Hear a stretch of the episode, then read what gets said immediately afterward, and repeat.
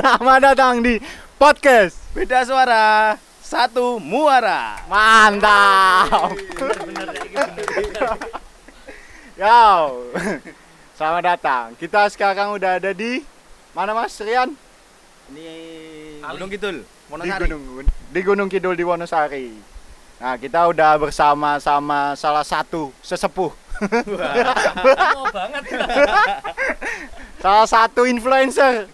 Influencer dari Gunung Kidul. Bayangkan aja gue podcast nyemplung kali iki. Mulai ngono. Kayak Oh, dine jegur enak. Engko endingnya ono Mas Oh, Jigo kan. Ben mlebu. Ya, kita di sini udah bersama-sama Mas Gudel. Ya. Tepuk tangan untuk Mas Gudel. Mantap, sepi ya. Ya, kita ini udah di mana ini Mas Gudel? Bisa dijelasin dulu? eh, ini di kali, Kali Oyo. Di Kalioyo. Kali Oyo Gunung Kidul. Nah, jadi kita memilih tempat ini biar suasananya beda. Kalau teman-teman podcast kan biasanya di ruangan, di studio, tapi kita nyoba podcast di alam. Wah. Yoi. Kita di salah satu sisi Kalioyo. Nah, Betul? Yo Jadi tempatnya wah nggak tahu ini di mana. Tidak ada sinyal. Pokoknya enak. Oh ya ini ngomongin Gunung Kidul. Ini kalau menurut Mas Gudel, Mas Gudel udah berapa lama berarti di Gunung Kidul? sejak lahir Mas 32 tahun nih. Wah, berarti 32 tahun. 32 tahun di Gunung Kidul. Menurut Mas Gudel, Gunung Kidul itu kayak gimana? Gunung Kidul sendiri itu kalau mungkin eh, kita ngomong Gunung Kidul itu baru-baru aja ya terkenalnya ya. Dulu masih stigmanya kalau Gunung Kidul larang banyu, terus juga mahal apa? Mahal air, terus juga banyak Gunung Kidul ini desa. Tapi sekarang udah mulai enggak sebenarnya banyak teman-teman di Gunung Kidul itu yang sudah mulai mulai bisa dikenal orang lain selain pariwisatanya kan? Baru beberapa tahun ini Gunung Kidul wisatanya itu naik. Dulu dulunya kalau kita ke Jogja pasti ke Parangtritis pasti ke Keraton pasti ke kebun binatang. Tapi untuk tahun-tahun ini atau tiga tahun terakhir Gunung Kidul cukup mencuri perhatian juga di di apa? Di ranah media sosial karena wisata dan juga beberapa tempat yang memang penak banget dikunjungi Yo Halnya ini di bantaran Kali Oyo. Oyo Yo bener banget. Ini kali Mas, bukan Oyo Oh, bukan ya? Kalau Oyo itu tempat penginapan mas, ada ada tempat tidur. Ini kalinya anak Regi. Oh. Oyo.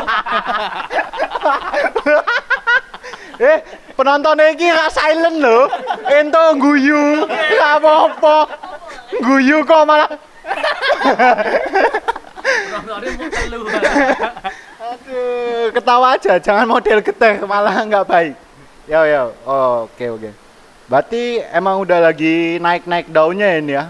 naik daunnya karena ya eh, selain mau nggak mau Gunung Kidul mulai dikenal itu dari pariwisatanya pariwisata yang dulu biasa-biasa aja sehingga sekarang banyak pantai banyak eh, tempat-tempat wisata buatan kayak embung kayak air terjun dan lain-lain itu eh, jadi nilai tersendiri banyak kan sekarang teman-teman yang rata-rata juga kalau lihat di akun media sosial tuh dari misalnya tiga feet teratas itu pasti salah satunya Gunung Kidul oh no Mas.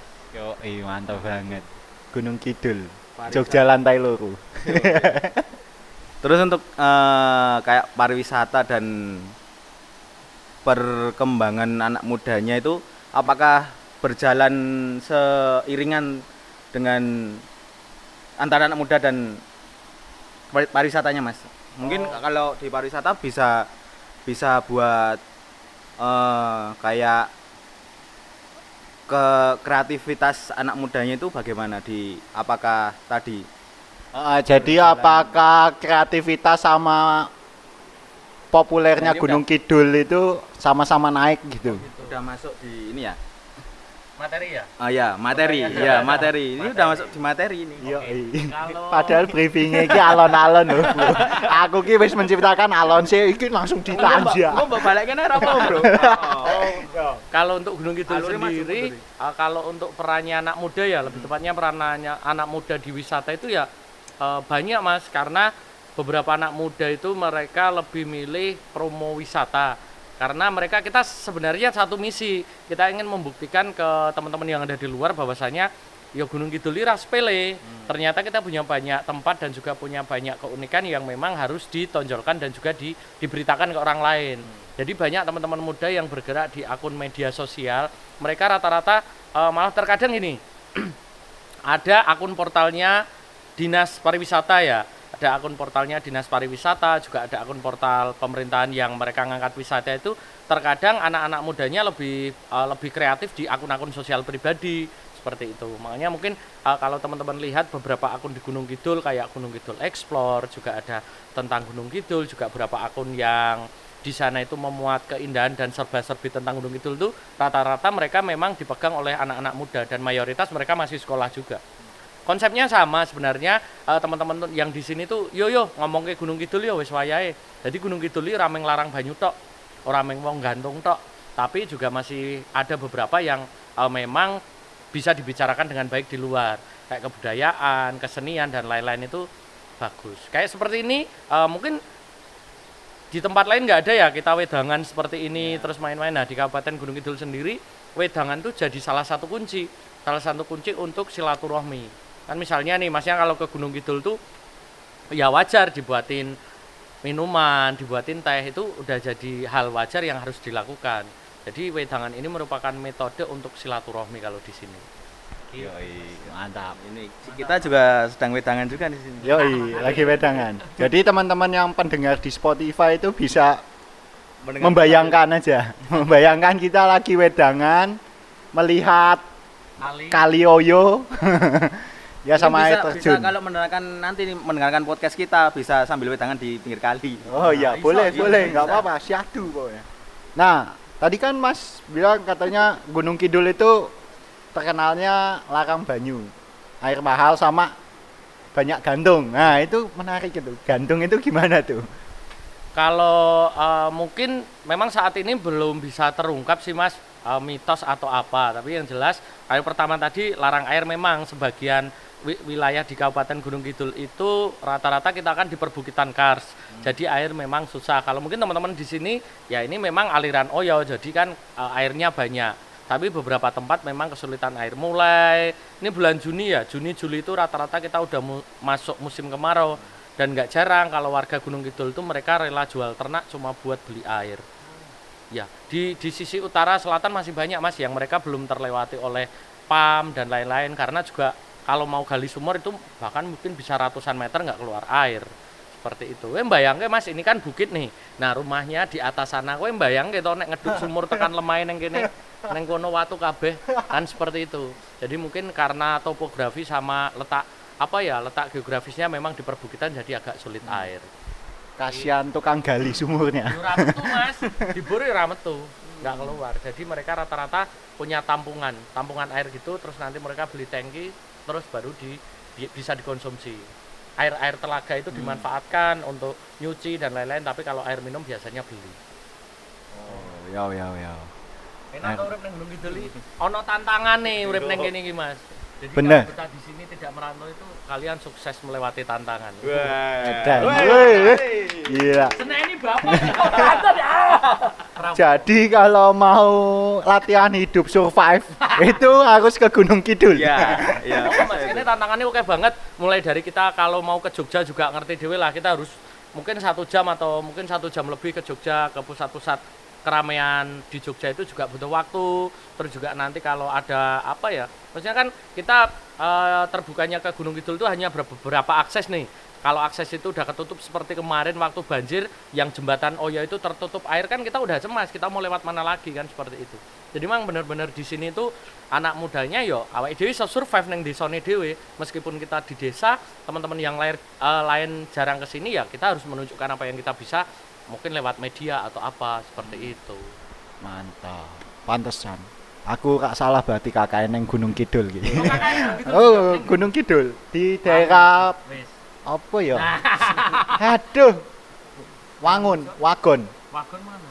Endi ya? Wangen. Wangen, heeh, daerah Wangen. Oh, Ngawen, Karangmojo ya? ngawen. Karangmojo Mas. Oh, beda ngawen ada ada juga kan ngawen. Ada ngawen tapi wangen atau ngawen? Ngawen. Ngawen. Oh ngawen ada.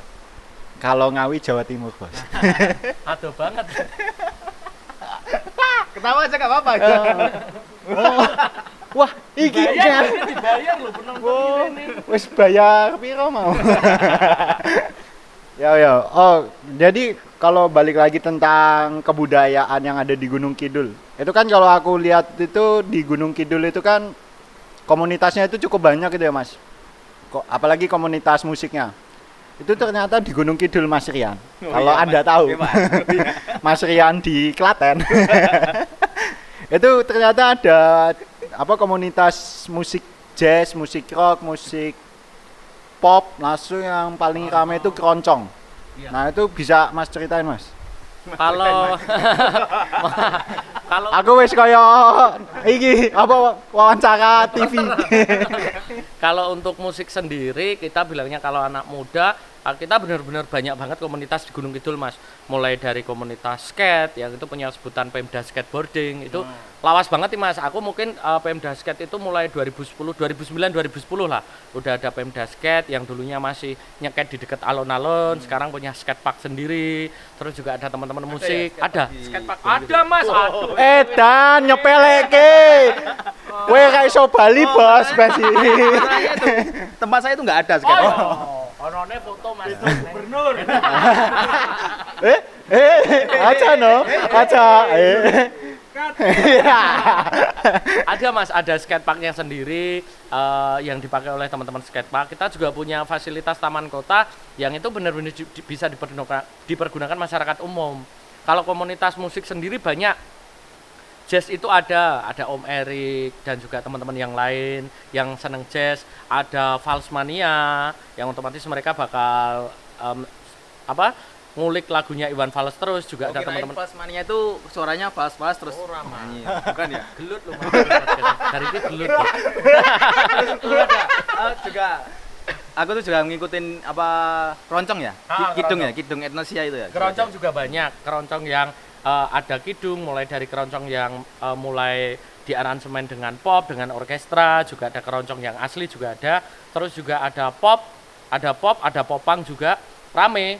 Jadi di Gunung Kidul tuh buat saya komunitasnya masif arep golek apa-apa ki eneng. Karena kita sekali lagi kita emang jauh dari Jogja. Nek awake dhewe pengen kaya ngono ning Jogja ya isone awake dhewe nggak ning omahe dhewe iso kok nah itu. Jadi musik juga lumayan banyak. Teman-teman yang di seni yang lain seperti eh, pengrawit atau penggamal itu komunitasnya ada. Terus juga IPG itu Ikatan Perempuan Gunung Kidul tuh eh, mereka juga di seni rupa. Dan juga masih ada mas ABDW dan lain-lain. Kayak banget komunitasnya gayeng lah. Edan.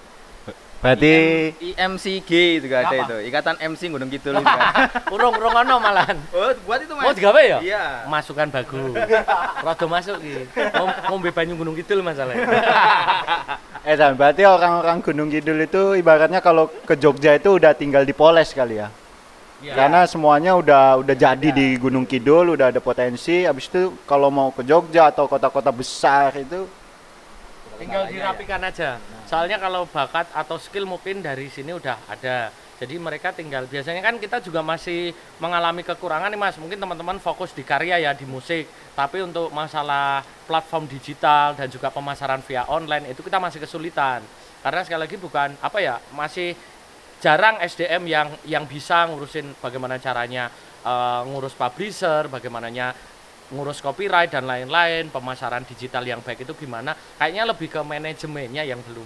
Tapi kalau untuk skill rata-rata ataupun karya itu rata-rata mereka udah punya sendiri. Minimal indie itu di sini popang itu rata-rata dua lah mas. Dua lagu udah punya karya sendiri. mantap. Pas Iya. waktu arisan warisan di putaran Gunung Kidul ya Mas Yuka, kita tuh ada nolak 16 sampai 18 bandan yang nggak bisa main. Karena waktu juga itu kalau di sini. Itu mungkin buat database ke depan ya untuk database ke depan. Kan, Bisa- habis misalnya ini Mas Rian biasanya cari Mas eh, ada nggak nih playlist Ya. Wonosari? Oh ada Mas ini ada yang reggae. Jadi kita itu eh, hidup berkaryanya sesuai dengan keinginan masing-masing. Aku reggae, aku tapi kalau satu acara bisa ngumpul semuanya. Entah itu ada reggae, keroncong, ada yang dangdut juga itu bisa satu panggung aman-aman aja. Mantap. Wih, gila. Gunung Kidul, Gunung Kidul. Buat teman-temannya tuh jangan menyepelekan Gunung Kidul. Iya, Jadi banyak sekali potensi-potensi alam atau maupun potensi SDM, SDM, ya. Oi. Tapi kalau yang tadi Mas bilang katanya kan masih ada kekurangan di apa manajer, eh manajemen. di manajemen. Nah itu sejauh ini kalau Mas Gudel lihat itu gimana perkembangannya?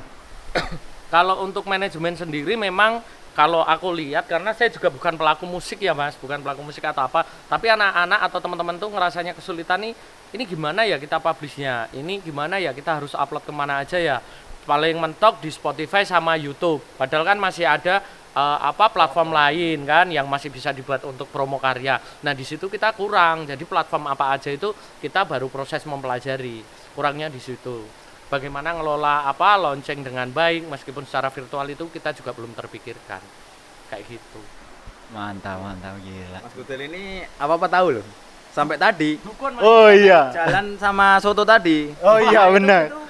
Mas, jadi buat teman-teman, ya, buat teman-teman kalau mau ke Gunung Kidul, Ya. Wonosari, itu itu nanti buka aja kalau Android. Itu di Play Store.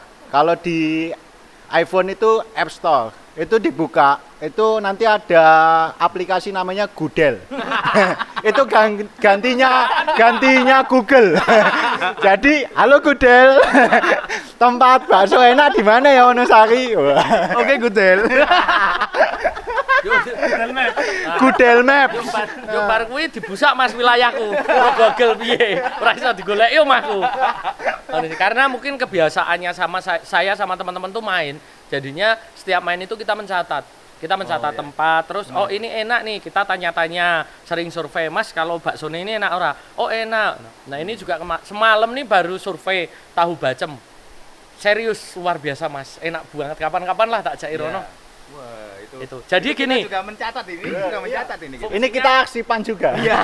fungsinya kenapa kita harus mengenal wilayah? Jika suatu saat kita ada teman di situ ada yang kebetulan main di situ uh, karena kita mungkin jauh dari rumah jadinya kita bisa nawarin apa di situ. Misalnya mas makanya di sini aja nih ada tempat yang unik ada tempat yang enak nih. Nah itu kan bisa jadi referensi juga. Teman-teman juga oh iya ini enak banget nih. Nah itu bonusnya teman-teman main ke tempat itu Berarti sudah bisa dipastikan Google kalah sama Mas Gudel. Gudel. Destinasi wisata. Oke. Mas Gudel langsung datang. tepuk tangan dulu buat Mas Gudel Terima kasih. Mangan mulai soto kabeh. Mungkin cara-cara itu tadi cara-cara Mas Gudel seserawungan itu tadi yang yang membuat kita banyak belajar di Mas Gudel di sisi itunya Yo iya benar. Jadi emang hidup itu kita kan manusia itu zone politikon bos. oh gimana itu Manusia bersosial. Wah. Eh, gitu bos. Edan akademis banget aku. Penonton bertanya, oh is- boleh penonton bertanya. pentingnya seserawungan Mas Gudel. Oh iya, menurut Mas Gudel, seserawungan itu seberapa penting, Mas? Kalau buat saya seserawungan sendiri itu kunci pokok hidup sih mas. Sekaya-kayanya kita, semewah-mewahnya kita, kalau kita nggak serawung itu pasti akan bayar. Bener nggak? Ya nggak. Nah di situ eh, pentingnya serawungan tuh kita bisa membuka link yang lebar.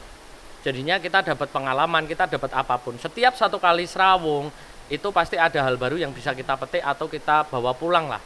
Jadi teman-teman semuanya yang mungkin eh, saya nggak pernah tahu ya apa itu introvert, apa itu pokoknya dia malas bergaul itu, kue rugi banget. Karena apa teman-teman? Sekarang gini aja, serawung itu misalnya kan sekarang eh, dunia nyata kita memang dibatasi ya untuk serawung ya, ya gunakan media sosial. Karena itu media sosial itu hitungannya juga masif.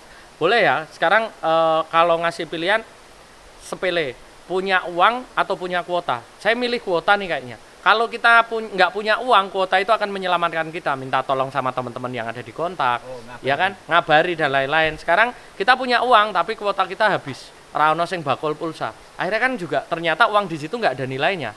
Sama seperti serawung itu prinsipnya kayak gitu. Yang penting nggak milih-milih lah.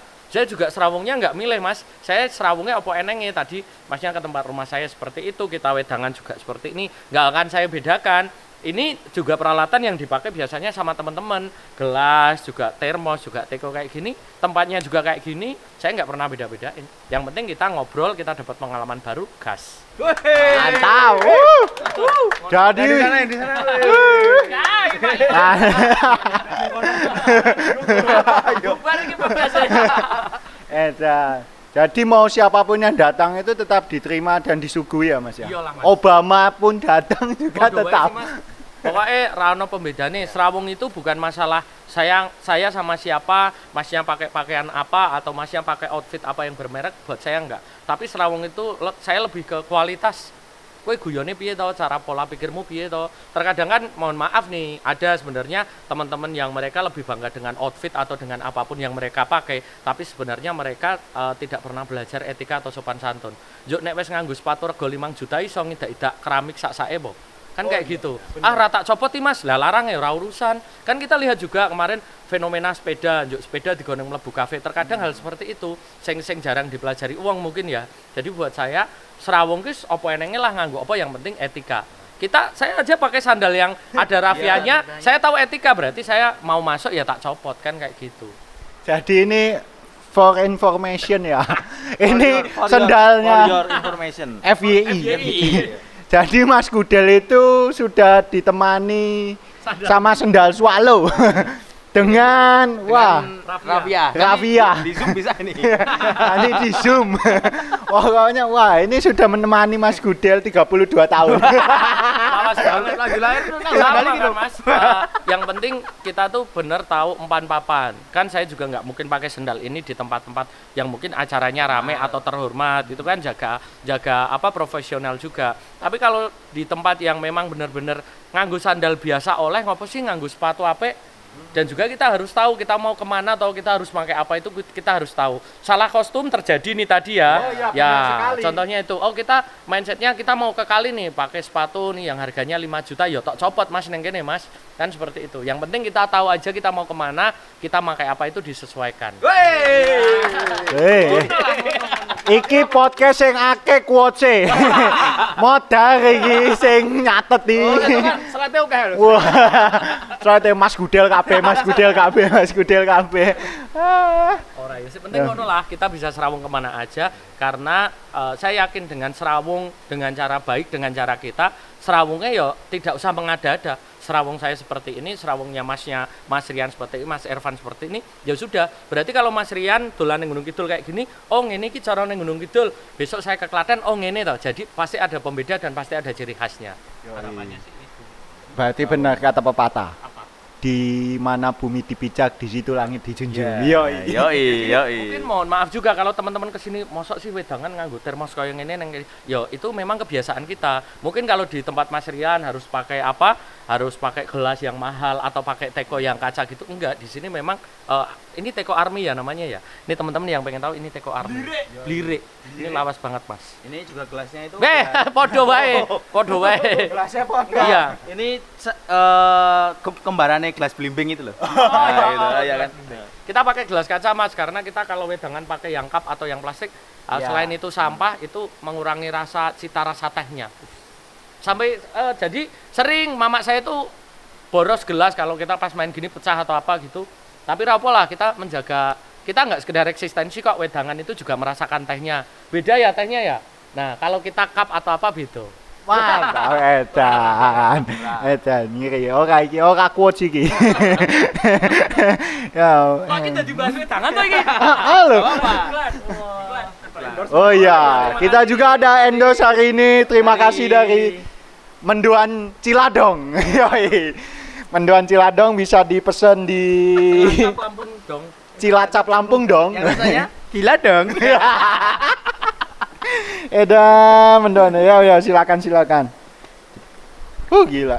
Berarti apa di Gunung Kidul ini cukup kaya banget ya Mas, bahkan kaya banget dengan kebudayaan dengan apa pun yang ada. Lumayan sih mas. Dan juga eh, yang saya seneng di Gunung Kidul itu opo-opone kalau istilah Jawane adalah wani dadaki tahu nggak? Wani dadaki itu Apa Mas? berani di depan. Misalnya ada acara seperti apa kita nggak? Kita karena kita juga jauh kesulitan nyari sponsor ya kita mandiri. Jadi seperti itu. Teman-teman ada nih teman-teman IPG Ikatan Perupa Gunung Kidul tuh mereka sering ngadain pameran itu mereka eh, uang pribadi Uh, ada istilahnya uh, event musik ya, ada event musik dulu sebelum warisan-warisan main ke sini, kita ada event musik kecil-kecilan indie gitu, ya nombok kabeh. Kita berani seperti itu karena kita pengen uh, apa ya? Kita pengen show, kita pengen dilihat orang, tapi tidak ada sponsor ya akhirnya kita mandiri. Wani dadaki itu istilahnya berani mandiri. Mantap banget. Berarti mandirine wong kidul ki wis rasa ditekon. Iya. Berarti mau berkarya apa pun ya wis lah. Ono sing gelem tak dana dewe. Hmm, ya itu bentuk kemandirian yang paling berharga. Oke, dengan cerita panjang tentang Gunung Kidul, anak muda, pariwisata dan apa saja yang ada di Gunung Kidul ini. Apa sih Mas cita-cita yang di ingin diimpikan Mas Gudel dan teman-teman yang ada di Gunung Kidul ini? Cita-citanya sepele sih, kita nggak pengen Gunung Kidul itu berubah menjadi salah satu objek wisata yang terkenal atau apa enggak. Karena itu alam kita tidak bisa memaksakan. Kalau alam sudah berbicara mau ngapain?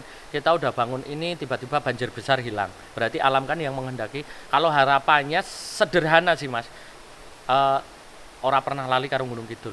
Sejauh apa pun teman-teman yang ada di luar sana, kita bisa balik lagi bangun umai dewi meneh. Jadi silakan mencari ilmu sejauh-jauh mungkin. Tapi suatu saat jika pulang ke sini, silakan eh, diberikan atau juga diajarkan oleh teman-teman yang nggak bisa sejauh itu. Sama seperti teman-teman yang merantau ke kementerian, ada teman-teman yang merantau di sini di sini. Mereka juga pasti kalau pulang Mas ini ada project nih bisa dikerjakan nggak di Gunung Kidul. Harapannya seperti itu. Saat doa doelehmu melayu ojo lali karo omahmu. Aduh. Quotes. Quotes. Jangan lupa eh, apa? Jangan sampai jadi kacang lupa kulit. Ya, Wis, gitulah. mantap. Dikat dulu. Wah, Enggak, Apa? udah, udah ini. oh udah. Closing ya, ini. udah closing. Oh iya, karena udah, sudah iya. mulai gelap. mulai gelap. Sudah mulai gelap. Ini jadinya teman-teman kalau uh, mungkin di apa di podcast ini kok suaranya nggak jernih dengar air memang kita benar-benar live di dekat kali ya. Iya. Jadi kita nyari sensasi yang beda. Kita akan ngomongnya atmosfernya beda kalau teman-teman tuh ngomong di studio sama kita di alam gini. Ada respon batu, lihat angin gitu pasti akan beda. Ih, gila. Mantap. Podcast portable ini. Ih, kapan lagi podcastan kayak begini? uh, effortnya tinggi. Ada Mantap. lagi besok. Oh iya. Ya, teman-teman talent dari Gunung, Gunung Kidul kan bisa lagi. Oh iya benar, teman-teman. Nanti kita juga bakal wawancara sama talent-talent dari Gunung Kidul. Ya. Nggak cuma musik tapi all of them. Ya. Ih, Inggris agresifku metu. Oke. Terima kasih buat Mas Gudel Sama-sama. waktunya sharingnya juga jangan sampai putus silaturahmi. Wah, Ya. amin amin amin amin. Buat Mas Ervan, buat teman-teman dari uh, Arisan Warisan, Mas Yuka dan lain-lain dari Lips juga. Terima kasih banyak sudah uh, berkenan main dengan ya seperti ini. Saya nggak mau mengada-ada ya. Ya aku ribet kok yang ini sih Mas aslinya meskipun di Instagram terlihat seperti itu, nyatanya seperti ini. Instagram medsos itu hanya framing sebenarnya ya hidup seperti ini wedangan ya seperti ini gitu Wah, mantap. Oke. Terima kasih untuk Gila. teman-teman. Terima kasih buat teman-teman yang sudah mau mendukung.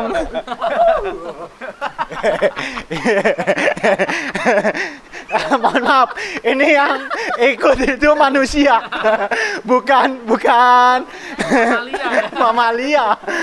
ini Mas do Aduh. closing loh ini. Oh iya, kan mau ini closing kan ya. Terima kasih Mas Gudel. Sekali lagi terima kasih udah mau menyempatkan walaupun dengan berbincang cukup singkat dengan kita. Tapi ada banyak sekali yang dapat di Yoi, banyak sekali yang bisa digali, bisa yang jadi inspirasi ke depan. dan bisa di mungkin di diterapkan di kehidupan kita sehari-hari ya. Yoi. Yang belum kita belum banyak serawong tapi eh ya itu Ya. belum banyak serawong ya kita banyakin serawong, Ah. kita banyakin Jangan silaturahmi. berlindung pada kata introvert. Ya. Nah, anak introvert itu juga bisa serawung kok. Iya, bisa. Wes teko wae menengan ra apa-apa. Nah. Saya penting kowe ngerti. Nah. Ngono, ya. Nah. Kalau kayak gitu kita pamit dulu Ya, sampai jumpa di podcast selanjutnya. ya. Nah, Yo, kalau gitu saya Evan. Saya Rian. dan saya Gudel Iya. kita pamit. Terima kasih. Ya.